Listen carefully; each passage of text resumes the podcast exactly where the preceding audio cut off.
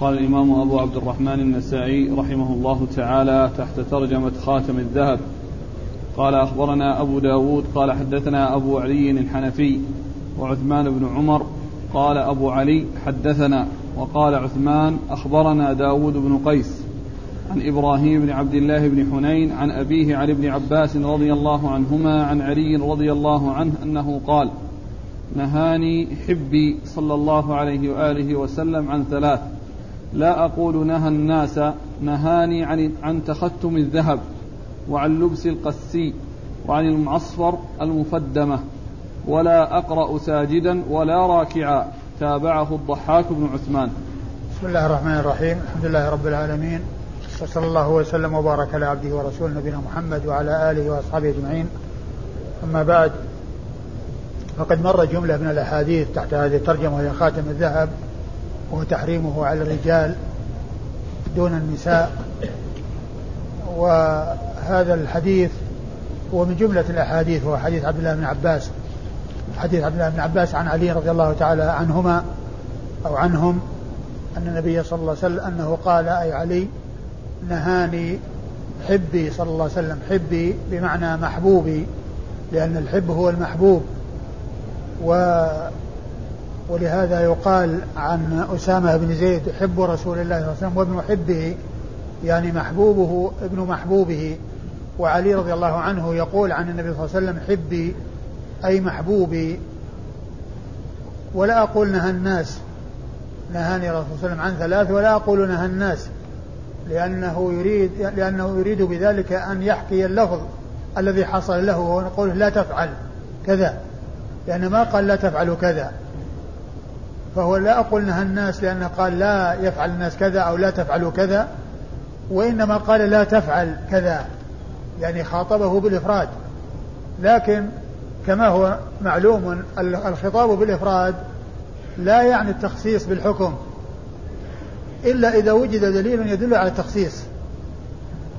مثل ما جاء في قصة الرجل الذي ضحى قبل الصلاة وقال إن لي عناق داج هي أفضل من شاتين فهل تجزي عني؟ قال نعم تجزي عنك ولن تجزي عن أحد بعدك.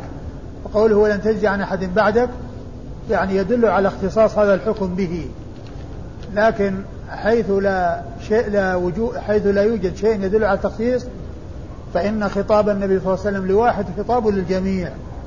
وأمر وأمر النبي صلى الله عليه وسلم لواحد خطاب أمر للجميع. ونهي النبي صلى الله عليه وسلم لشخص واحد نهي للجميع.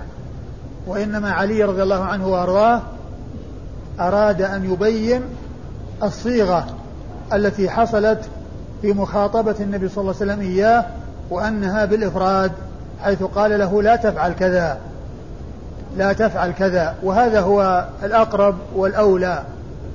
وفي احتمال آخر يقول بعض أهل العلم احتمال التخصيص. ومن المعلوم أن احتمال التخصيص ليس واردا إلا لو وجد دليل يدل عليه. اللهم إلا أن يقال أن أنه يراد به هنا آه، وفقا لما دل عليه الحديث الذي مر بنا قريبا وهو أن النبي صلى الله عليه وسلم كان يمنع أهله يمنع أهله من الحلية والحرير ويقول إن أردتم حلية الجنة وحريرها فلا تلبسوا هذا في الدنيا.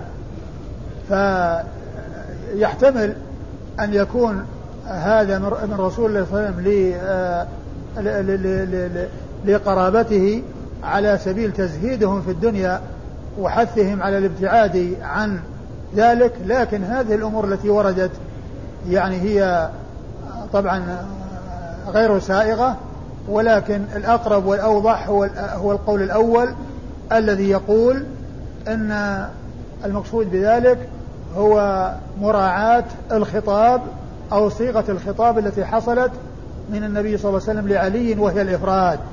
لأنه قال لا تفعل ولم يقل لا تفعلوا. أو لا يفعل الناس كذا أو ليس لأحد أن يفعل كذا حتى يكون لفظ عام. لكن خطاب النبي صلى الله عليه وسلم لواحد خطاب للجميع. ويدل عليه قصة الرجل الذي قبل الأجنبية ونزل في حقه إن الحسنات يذهبن السيئات قال ذلك الرجل ألي هذا وحدي يا رسول الله؟ قال عليه الصلاة والسلام بل لأمتي كلهم. يعني الحكم للأمة كل كل كلها. وإن كان سبب النزول شخص واحد فالعبرة بعموم الألفاظ لا بخصوص الأسباب. إيش يقول؟ ولا أقول؟ نهاني حبي. أيوه. صلى الله عليه وسلم عن ثلاث لا أقول لها الناس. نعم. نهاني عن تختم الذهب. نهاني عن تختم الذهب وهذا هو محل الشاهد وهذا في حق الرجال. نهاني عن تختم الذهب وهذا في حق الرجال بخلاف النساء فإنه سائغ في حقهن. أيوة. وعن لبس القسي. وعن لبس القسي وهي ثياب تأتي من بلد قال له القس وهي من الديباج والحرير فحرمت لذلك. نعم. وعن المعصفر المفدمة وعن المعصفر المفدمة المعصفر الذي صبغ بالعصفر والمفدمة هي التي أشبعت بالحمرة. ويمكن أو يحتمل أن يكون المفدمة أنها صفة للمعصفر وهو الذي أشرب بحمرة والعصفر يعني لونه يعني اللون الأحمر بخلاف المزعفر الذي لونه لون الأصفر. ويحتمل أن يكون المفدمة غير المعصفرة وهي التي آه، يعني أشبعت بالصبغ الأحمر. يعني سواء يكون من العصفر أو من غير العصفر. أيوة. و ولا أقرأ ساجدا ولا راكعا. ولا أقرأ ساجدا ولا راكعا. يعني القراءة ليست في الركوع ولا في السجود في الصلاة بل القراءة في القيام الذي قبل الركوع. القراءة في القيام الذي قبل الركوع وأما في الركوع ما في قراءة وفي السجود ما في قراءة وإنما الركوع فيه تعظيم الرب والسجود فيه الدعاء. ويقول في الركوع سبحان رب العظيم وفي السجود سبحان رب الأعلى و وكذلك يجمع بين التسبيح والدعاء بقوله كما جاء في الحديث سبحانك اللهم وبحمدك اللهم اغفر لي. تقال في الركوع والسجود. لأن سبحانك اللهم وبحمدك تعظيم وتسبيح واللهم اغفر لي دعاء. لكن يغلب على الركوع التعظيم وعلى السجود الدعاء. كما جاء عن النبي صلى الله عليه وسلم أنه قال أما الركوع فعظموا فيه الرب وأما السجود فأكثروا فيه من الدعاء. فقمن أن يستجاب لكم. فالحديث يدل على المنع آه، من آه، استعمال ذلك آه، الذي هو الذي هو لبس القسي وكذلك لبس المعصفر المفدمة وهذا يعني إنما يكون في حق الرجال. وأما بالنسبة للنساء فلهن أن يستعملن المعصفر ولهن أن يستعملن الذي أشبع بحمرة ولكن ولهن أن يتختمن بالذهب. وأما الركوع والسجود فالرجال والنساء كلهم لا يقرؤون في الركوع ولا في السجود. قال أخبرنا أبو داود. أبو داود هو سليمان بن سيف الحراني وهو ثقة أخرج حديثه النسائي وحده. عن أبي علي الحنفي. عن أبي علي الحنفي وأحمد آه، آه، آه، أحمد المروزي وهو ثقة أخرج حديثه النسائي وحده. أبو بكر الحنفي. أبو علي. أبو علي نعم أبو علي الحنفي هو عبيد الله بن عبد هو عبيد الله بن عبد المجيد. ذاك أبو بكر بن علي. أبو بكر بن علي هذا أبو عبي أبو بكر الحنفي هو عبيد الله بن عبد المجيد. أبو علي. أبو علي أبو علي الحنفي نعم. أبو علي الحنفي هو عبيد الله بن عبد المجيد وهو ثقة صدوق. وهو صدوق أخرج له أصحاب الكتب الستة. وعثمان بن عمر. وعثمان بن عمر وهو ثقة. أخرج له أصحاب الكتب الستة. قال أبو علي حدثنا وقال عثمان أخبرني. يعني أن فرق أن بينهما فرق في الصيغة عند آه، آه، الأخذ عن شيخه فإن الأول قال حدثنا والثاني قال أخبرنا. يعني هذا تنصيص على الصيغة التي قالها كل واحد من هذين. فإن أبا علي, أبا علي قال حدثنا وعثمان بن عمر قال أخبرنا واستعمال حدثنا وأخبرنا. بعض العلماء لا يفرق بين التحديث والإخبار. وبعضهم يفرق بين التحديث والإخبار بأن يستعمل التحديث فيما سمع من لفظ الشيخ والإخبار فيما قرئ على الشيخ والإخبار فيما قرئ على الشيخ الذي هو العرض. يعني يقرأ عليه والشيخ يسمع. هذا يعبر عنه بأخبارنا. وإذا إذا كان الشيخ هو الذي قرأ وهم يسمعون من الشيخ فيقولون عنه حدثنا. وبعض العلماء يستعمل حدثنا وأخبرنا ولا يفرق بينهما. لا في آه، لفظ الشيخ ولا في السماع آه، في القراءة على الشيخ. نعم. عن داود بن قيس. عن داود بن قيس وهو ثقة أخرج حديث أخرج حديثه البخاري تعليقا ومسلم وأصحاب السنة الأربعة. إبراهيم بن عبد الله بن حنين. عن إبراهيم بن عبد الله بن حنين وهو ثقة أخرجه أصحاب الكتب الستة. عن أبيه. عن أبيه عبد الله بن حنين وهو ثقة أخرج له أصحاب الكتب الستة. عن ابن عباس. عن ابن عباس عبد الله بن عباس بن عبد المطلب بن عم النبي صلى الله عليه وسلم وأحد العبادلة الأربعة من أصحابه الكرام وهم عبد الله بن عباس وعبد الله بن الزبير وعبد الله بن عمر وعبد عبد الله بن عمر وعبد الله بن عمر وهو أيضا أحد السبعة المعروفين بكثرة الحديث عن النبي صلى الله عليه وسلم عن علي. عن علي بن أبي طالب رضي الله عنه أمير المؤمنين ورابع الخلفاء الراشدين الهادين المهديين أبو السبطين صاحب المناقب الجمة والفضائل الكثيرة رضي الله تعالى عنه وأرضاه. قال أخبرنا الحسن بن داود المنك المنكدري. قال حدثنا ابن أبي فديك عن الضحاك عن إبراهيم بن حنين عن أبيه عن عبد الله بن عباس عن علي رضي الله عنهم أنه قال نهاني رسول الله صلى الله عليه وآله وسلم ولا أقول نهاكم عن تختم الذهب وعن لبس القسي وعن لبس المفدم والمعصفر وعن القراءة راكعا. ثم ورد النسائي حديث علي من طريق أخرى وهو مثل ما تقدم إلا أنه فرق بين المعصفر والمفدم والمفدم هو الذي أشبع بالحمرة وصبغ بالحمرة الشديدة. والمعصفر الذي صبغ بالعصفر فيحتمل أن يكون المقصود بالمعطوف والمعطوف عليه الذي صبغ بلون أحمر يعني شديد الحمرة يعني غير العصفر والمعصفر الذي الذي صبغ بالعصفر. أيوه. قال أخبرنا الحسن بن داود المنكدري. الحسن بن داود المنكدري وهو لا بأس به. وهو لا بأس به أخرج حديث أبو داود النسائي النسائي بن ماجه. أخرج حديثه النسائي وابن ماجه. عن ابن أبي فديك. عن ابن أبي فديك وهو محمد بن إسماعيل ابن أبي فديك صدوق أخرج له أصحاب الكتب الستة. عن الضحاك. عن الضحاك بن عمر بن عثمان, بن عثمان الضحاك بن عثمان وهو ثقة. صدوق يهم. وهو صدوق يهم أخرج له مسلم وأصحاب السنن. أخرج له مسلم وأصحاب السنن الأربعة. عن إبراهيم بن حنين عن أبيه عن ابن عباس عن علي. وقد مر ذكر الأربعة. قال أخبرنا محمد بن عبد الله بن عبد الرحيم البرقي قال حدثنا أبو الأسود قال حدثنا نافع بن يزيد عن يونس عن ابن شهاب عن إبراهيم أن أباه حدثه أنه سمع عليا رضي الله عنه يقول نهاني رسول الله صلى الله عليه وآله وسلم عن القراءة وأنا راكع وعن لبس الذهب والمعصفر. ثم ورد النسائي حديث علي رضي الله عنه من طريق أخرى وهو مثل ما تقدم. قال أخبرنا محمد بن عبد الله بن عبد الرحيم البرقي. محمد بن عبد الله بن عبد الرحيم البرقي هو ثقة أخرج حديثه النسائي وحده. وأبو داود.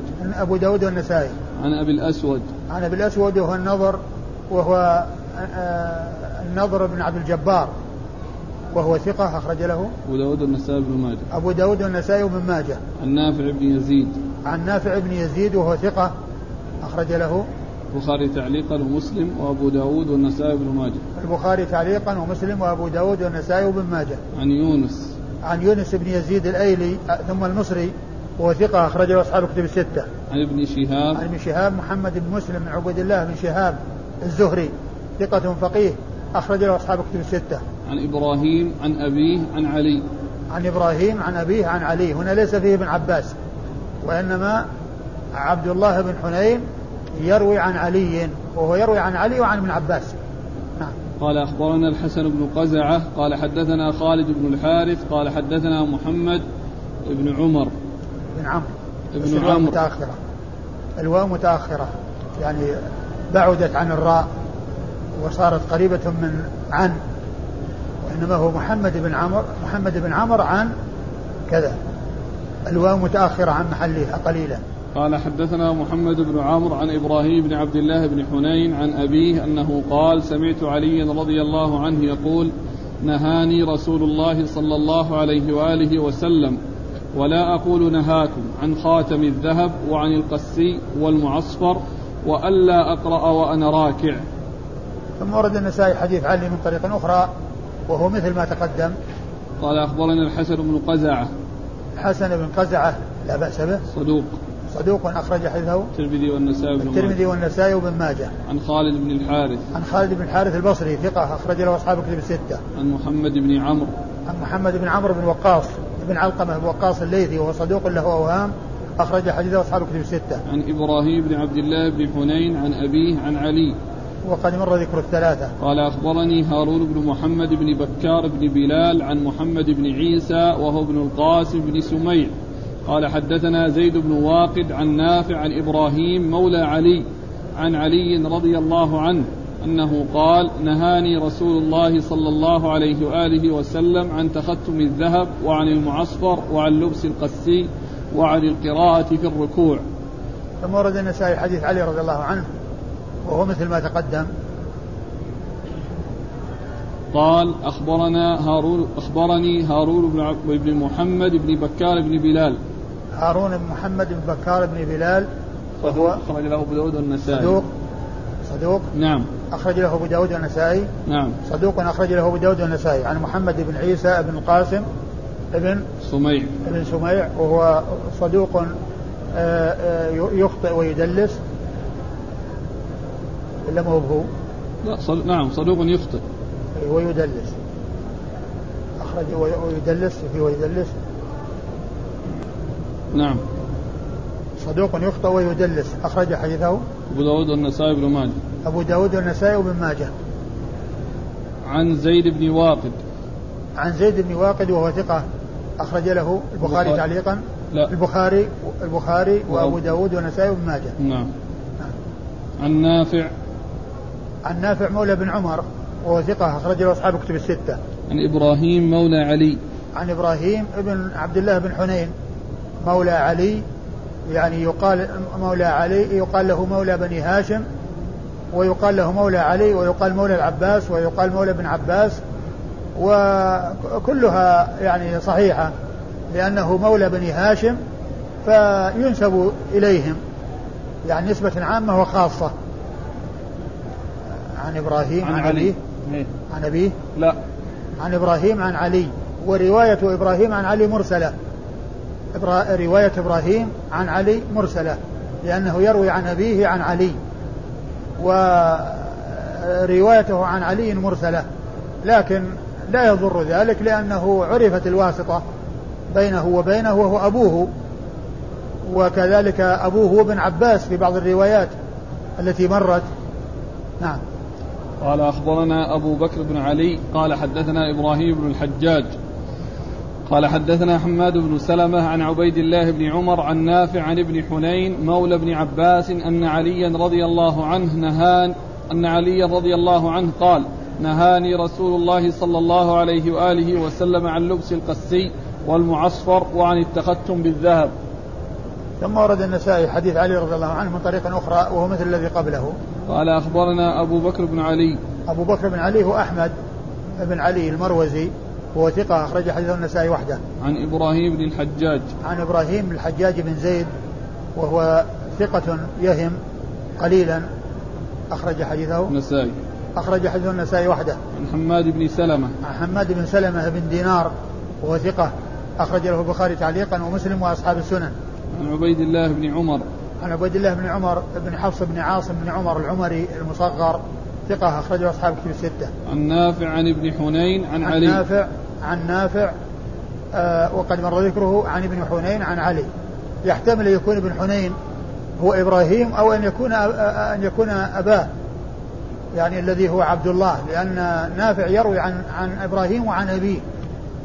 فيحتمل هذا ويحتمل هذا. نعم. قال أخبرنا إسماعيل بن مسعود قال حدثنا بشر وهو ابن المفضل قال حدثنا عبيد الله عن نافع عن ابن حنين مولى علي عن علي رضي الله عنه أنه قال نهاني رسول الله صلى الله عليه وآله وسلم عن أربع عن اتخذتم بالذهب وعن لبس القسي وعن قراءة القرآن وأنا راكع وعن لبس المعصفر ووافقه أيوب إلا أنه لم يسم المولى. ثم ورد النسائي حديث علي من طريق أخرى وهو مثل ما تقدم. قال أخبرنا إسماعيل بن مسعود. إسماعيل بن مسعود أبو مسعود البصري ثقة. أخرج حديثه النسائي وحده. عن بشر وهو ابن المفضل. بشر وهو ابن المفضل ثقة أخرج أصحاب كتب الستة. عن عبيد الله عن نافع عن ابن حنين عن مولى علي عن علي.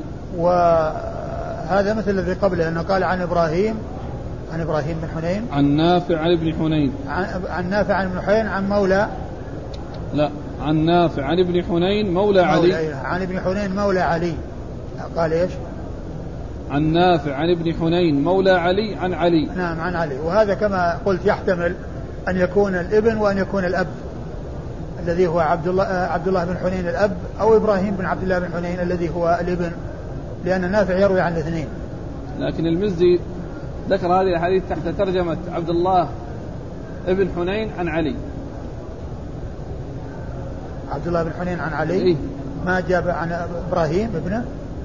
إبراهيم حط له حط له شو اسمه رقم ثاني ترجمة ثانية. ترجمة ثانية؟ يعني حديث إبراهيم مولى علي عن علي رقمه في تحفة الأشراف 1021 أيوه. أما عبد الله بن آه شو اسمه؟ عبد, عبد الله. بن حنين عن علي رقمه 1042 يروي عن نافع؟ يروي عنه نافع؟ اللي يروي عنه هو أحيانا نافع واحيانا يروي عنه نافع الآن. كله 1400 هنا هنا. اي نافع نافع. نافع نعم اذا اذا هو يعني عبد الله بن حنين. ومما يؤيد هذا الحديث الذي سيأتي الذي فيه التصريح بالتحديد أن عليا حدثه وهو لم يحدث إلا عبد الله بن حنين لا ما حدث إبراهيم بن عبد الله لأنه روايته عنه مرسلة. قال أخبرنا الحسين بن منصور بن جعفر النيسابوري قال حدثنا حفص بن عبد الرحمن البلخي قال حدثنا سعيد عن أيوب عن نافع عن مولى للعباس أن علي رضي الله عنه قال نهاني رسول الله صلى الله عليه وآله وسلم عن لبس المعصفر وعن القسي وعن التختم بالذهب وأن أقرأ وأنا راكع. ثم ورد النسائي حديث علي من طريق أخرى وهو مثل ما تقدم. قال أخبرنا الحسين بن منصور بن جعفر النيسابوري. وهو ثقة أخرج حديث البخاري والنسائي. عن حفص بن عبد الرحمن البلخي. عن حفص بن عبد الرحمن البلخي وهو صدوق. نعم. أخرج له. أبو داود في القدر والنسائي. أبو داود في القدر والنسائي. عن سعيد. عن سعيد بن أبي عروبة. ثقة أخرج أصحاب كتب الستة. عن أيوب عن أيوب بن أبي تميم السختياني ثقة أخرج أصحاب كتب الستة. عن نافع عن مولى للعباس عن علي. وهذا هو يعني اللي هو عبد الله بن آه، بن حنين. نعم وهو قيل مولى العباس وقيل مولى علي يعني آه، وهذا كما قلت هو هاشمي هاشمي آه، هاشمي ولاء ولهذا يقال مولى علي ويقال مولى العباس قال رحمه الله تعالى الاختلاف على يحيى بن أبي كثير فيه. قال أخبرنا هارون بن عبد الله. قال حدثنا عبد الصمد بن عبد الوارث. قال حدثنا حرب وهو ابن شداد. عن يحيى أنه قال حدثني عمرو بن سعيد. عمرو بن سعد. عمرو بن سعد الفدكي. أن نافعا أخبره قال حدثني ابن حنين أن عليا حدثه رضي الله عنه قال نهاني رسول الله صلى الله عليه وآله وسلم عن ثياب المعصفر وعن خاتم الذهب وعن لبس القسي وأن أقرأ وأنا راكع خالفه الليث بن سعد. ثم ورد النسائي حديث علي من طريق أخرى وهو مثل ما تقدم. قال أخبرنا هارون بن عبد الله. هارون بن عبد الله الحمال البغدادي ثقة أخرج حديثه مسلم وأصحاب السنن. عن عبد الصمد بن عبد الوارث. وهو صدوق أخرج له أصحاب كتب الستة. عن حرب وهو ابن شداد. حرب وهو ابن شداد أخرج له أصحاب كتب الستة إلا من ماجه. عن يحيى. عن يحيى ابن أبي كثير اليمامي وهو ثقة أخرج له أصحاب كتب الستة. عن عمرو بن سعد الفدكي. عن عمرو بن سعد الفدكي وهو ثقة أخرج له البخاري في جزء القراءة والنسائي بن ماجه. وهو ثقة أخرج حديث البخاري. في جزء القراءة. شيخ يعني عمرو بن سعد الفدكي أو اليمامي ثقة من السادسة أخرجه البخاري في جزء القراءة والنسائي بن ماجه. البخاري في جزء القراءة والنسائي؟ وابن ماجه. وابن ماجه. البخاري في جزء القراءة والنسائي وابن ماجه. عن نافع عن ابن حنين عن علي. عن نافع عن ابن حنين عن علي وقد مر ذكرهم. قال أخبرنا قتيبة قال حدثنا الليث عن نافع عن إبراهيم بن عبد الله بن حنين عن بعض موالي العباس. عن علي رضي الله عنه أن رسول الله صلى الله عليه وآله وسلم نهى عن المعصفر والثياب القسية وعن أن يقرأ وهو راكع. ثم ورد النسائي حديث علي من طريق أخرى وهو مثل ما تقدم. قال أخبرنا قتيبة. قتيبة بن سعيد بن جميل بن طريف البغلاني ثقة أخرج أصحاب كتب الستة. عن الليث. الليث بن سعد المصري ثقة فقيه أخرج أصحاب كتب الستة. عن نافع عن إبراهيم بن عبد الله بن حنين عن بعض موالي العباس. عن بعض موالي العباس الذي هو أبوه. نعم. عن علي. عن علي وقد مر ذكره. قال أخبرنا محمود بن خالد. قال حدثنا الوليد قال حدثنا الوليد قال حدثنا أبو عمرو الأوزاعي عن يحيى عن علي رضي الله عنه أنه قال نهاني رسول الله صلى الله عليه وآله وسلم وساق الحديث. ثم ورد النسائي الحديث وأشار إليه نعم. قال أخبرني أخبرنا محمود بن خالد. محمود بن خالد الدمشقي وهو ثقة أخرج حديثه. أبو داود والنسائي بن ماجه. أبو داود والنسائي وابن ماجه. عن الوليد. عن الوليد بن مسلم وهو ثقة أخرج أصحاب كتب الستة. كثير التدليس والتسوية. نعم كثير التدليس والتسوية. عن أبي عمرو الأوزاعي. عن أبي عمرو الأوزاعي وهو عبد الرحمن بن عمرو. أبو عمرو عبد الرحمن بن عمرو. وافقت كنيته اسم أبيه. وهو ثقة فقيه. فقيه الشام ومحدثها أخرج حديث أصحاب الكتب الستة عن يحيى عن علي. عن يحيى هو بن أبي كثير. عن علي وهذا فيه انقطاع بين يحيى وعلي. لكن كما مر في الرواية السابقة ذكر الواسطة. نعم. قال رحمه الله تعالى حديث عبيدة.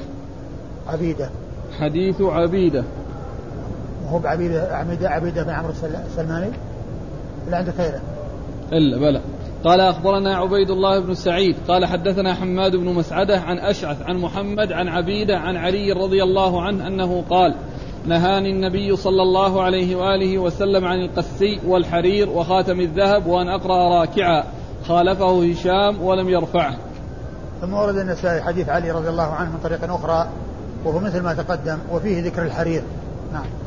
قال أخبرنا عبيد الله بن سعيد عبيد الله بن سعيد هو السرخسي اليشكري ثقة أخرجه أخرجه البخاري ومسلم والنسائي. عن حماد بن مسعدة. عن حماد بن مسعدة وهو ثقة أخرجه أصحاب الكتب. نعم. أصحاب الكتب كلهم. ما أخرج له أصحاب الكتب الستة. عن أشعث. عن أشعث بن عبد الملك الحمراني وهو ثقة أخرج حديث البخاري تعليقا وأصحاب السنة الأربعة. عن محمد عن محمد بن سيرين وهو ثقة أخرج أصحاب الكتب الستة. عن عبيدة. عن عبيدة بن عمرو السلماني وهو ثقة أخرج أصحاب الكتب الستة. عن علي. عن علي رضي الله عنه وقد مر ذكره. قال أخبرنا أحمد بن سليمان قال حدثنا يزيد قال أخبرنا هشام عن محمد عن عبيدة عن علي رضي الله عنه أنه قال نهى عن مياثر الأرجوان ولبس القسي وخاتم الذهب ثم أورد النسائي عن عبيده نعم عن عبيده عن عن علي. عن علي. ثم أورد النسائي الحديث عن علي رضي الله عنه لكن ما رفعه ولا رفعه؟ لا. ما رفعه؟ لا. قال نهى. أي نهى النبي صلى الله عليه وسلم أو نهي؟ هنا قال لم يرفعه ولكن إذا إذا إذا إذا كانت العبارة نهى يعني فالمتبادل أنه رسول الله صلى الله عليه وسلم يعني أنه ما صرح بالرسول ولم يصرح بأن النهي هو الرسول صلى الله عليه وسلم ولهذا قال لم يرفعه. وعن إيش؟ عن مياثر الأرجوان. عن مياثر الأرجوان. المياثر سبق أن مر ذكرها وهي المياثر الحمر. وهنا قال الأرجوان والأرجوان صبغ أحمر. يعني أنها صبغت بالصبغ الأحمر. يعني مياثر صبغت بالصبغ الأحمر. فهي تماثل الروايات المتقدمة التي فيها مياثر المياثر الحمراء. المياثر الحمراء أو الميثرة الحمراء. الميثرة الحمراء. هنا مياثر الأرجوان أي التي صبغت بصبغ الأرجوان. يقال له الأرجوان وهو صبغ أحمر. أيوه. ولبس القسي وخاتم الذهب. نعم. قال أخبرنا أحمد بن سليمان. أحمد بن سليمان الرهاوي وهو ثقة أخرج حديثه النسائي وحده. عن يزيد. عن يزيد بن هارون الواسطي وهو ثقة أخرج أصحاب الكتب الستة. عن هشام. عن هشام بن حسان وهو ثقة أخرج أصحاب الكتب الستة. عن محمد عن عبيدة عن علي. عن محمد عن عبيدة عن علي وقد مر ذكرهم. قال أخبرنا قتيبة قال أخبرنا حماد عن أيوب عن محمد عن عبيدة أنه قال نهى عن مياتر الأرجوان وخواتم, وخواتم الذهب. انتهى. نعم. هذا آخر إيه؟ آخر حديث. ثم ثم أورد النسائي عن الحديث ولكنه مقطوع. يعني ينتهي إلى عبيدة. ابن عمرو السلماني وقال نهى عن عن مياثر الأرجوان وخواتم الذهب. الأرجوان وخواتم الذهب. نعم. قال أخبرنا قتيبة عن حماد. قتيبة مر ذكره حماد هو بن زيد وهو ثقة أخرج له أصحاب كتب الستة. عن أيوب عن محمد عن عبيدة. عن أيوب عن محمد عن عبيدة وقد مر ذكرهم. قال رحمه الله تعالى حديث أبي هريرة رضي الله عنه والاختلاف على قتادة. والله تعالى أعلم وصلى الله وسلم وبارك على عبده ورسوله نبينا محمد وعلى آله وأصحابه أجمعين.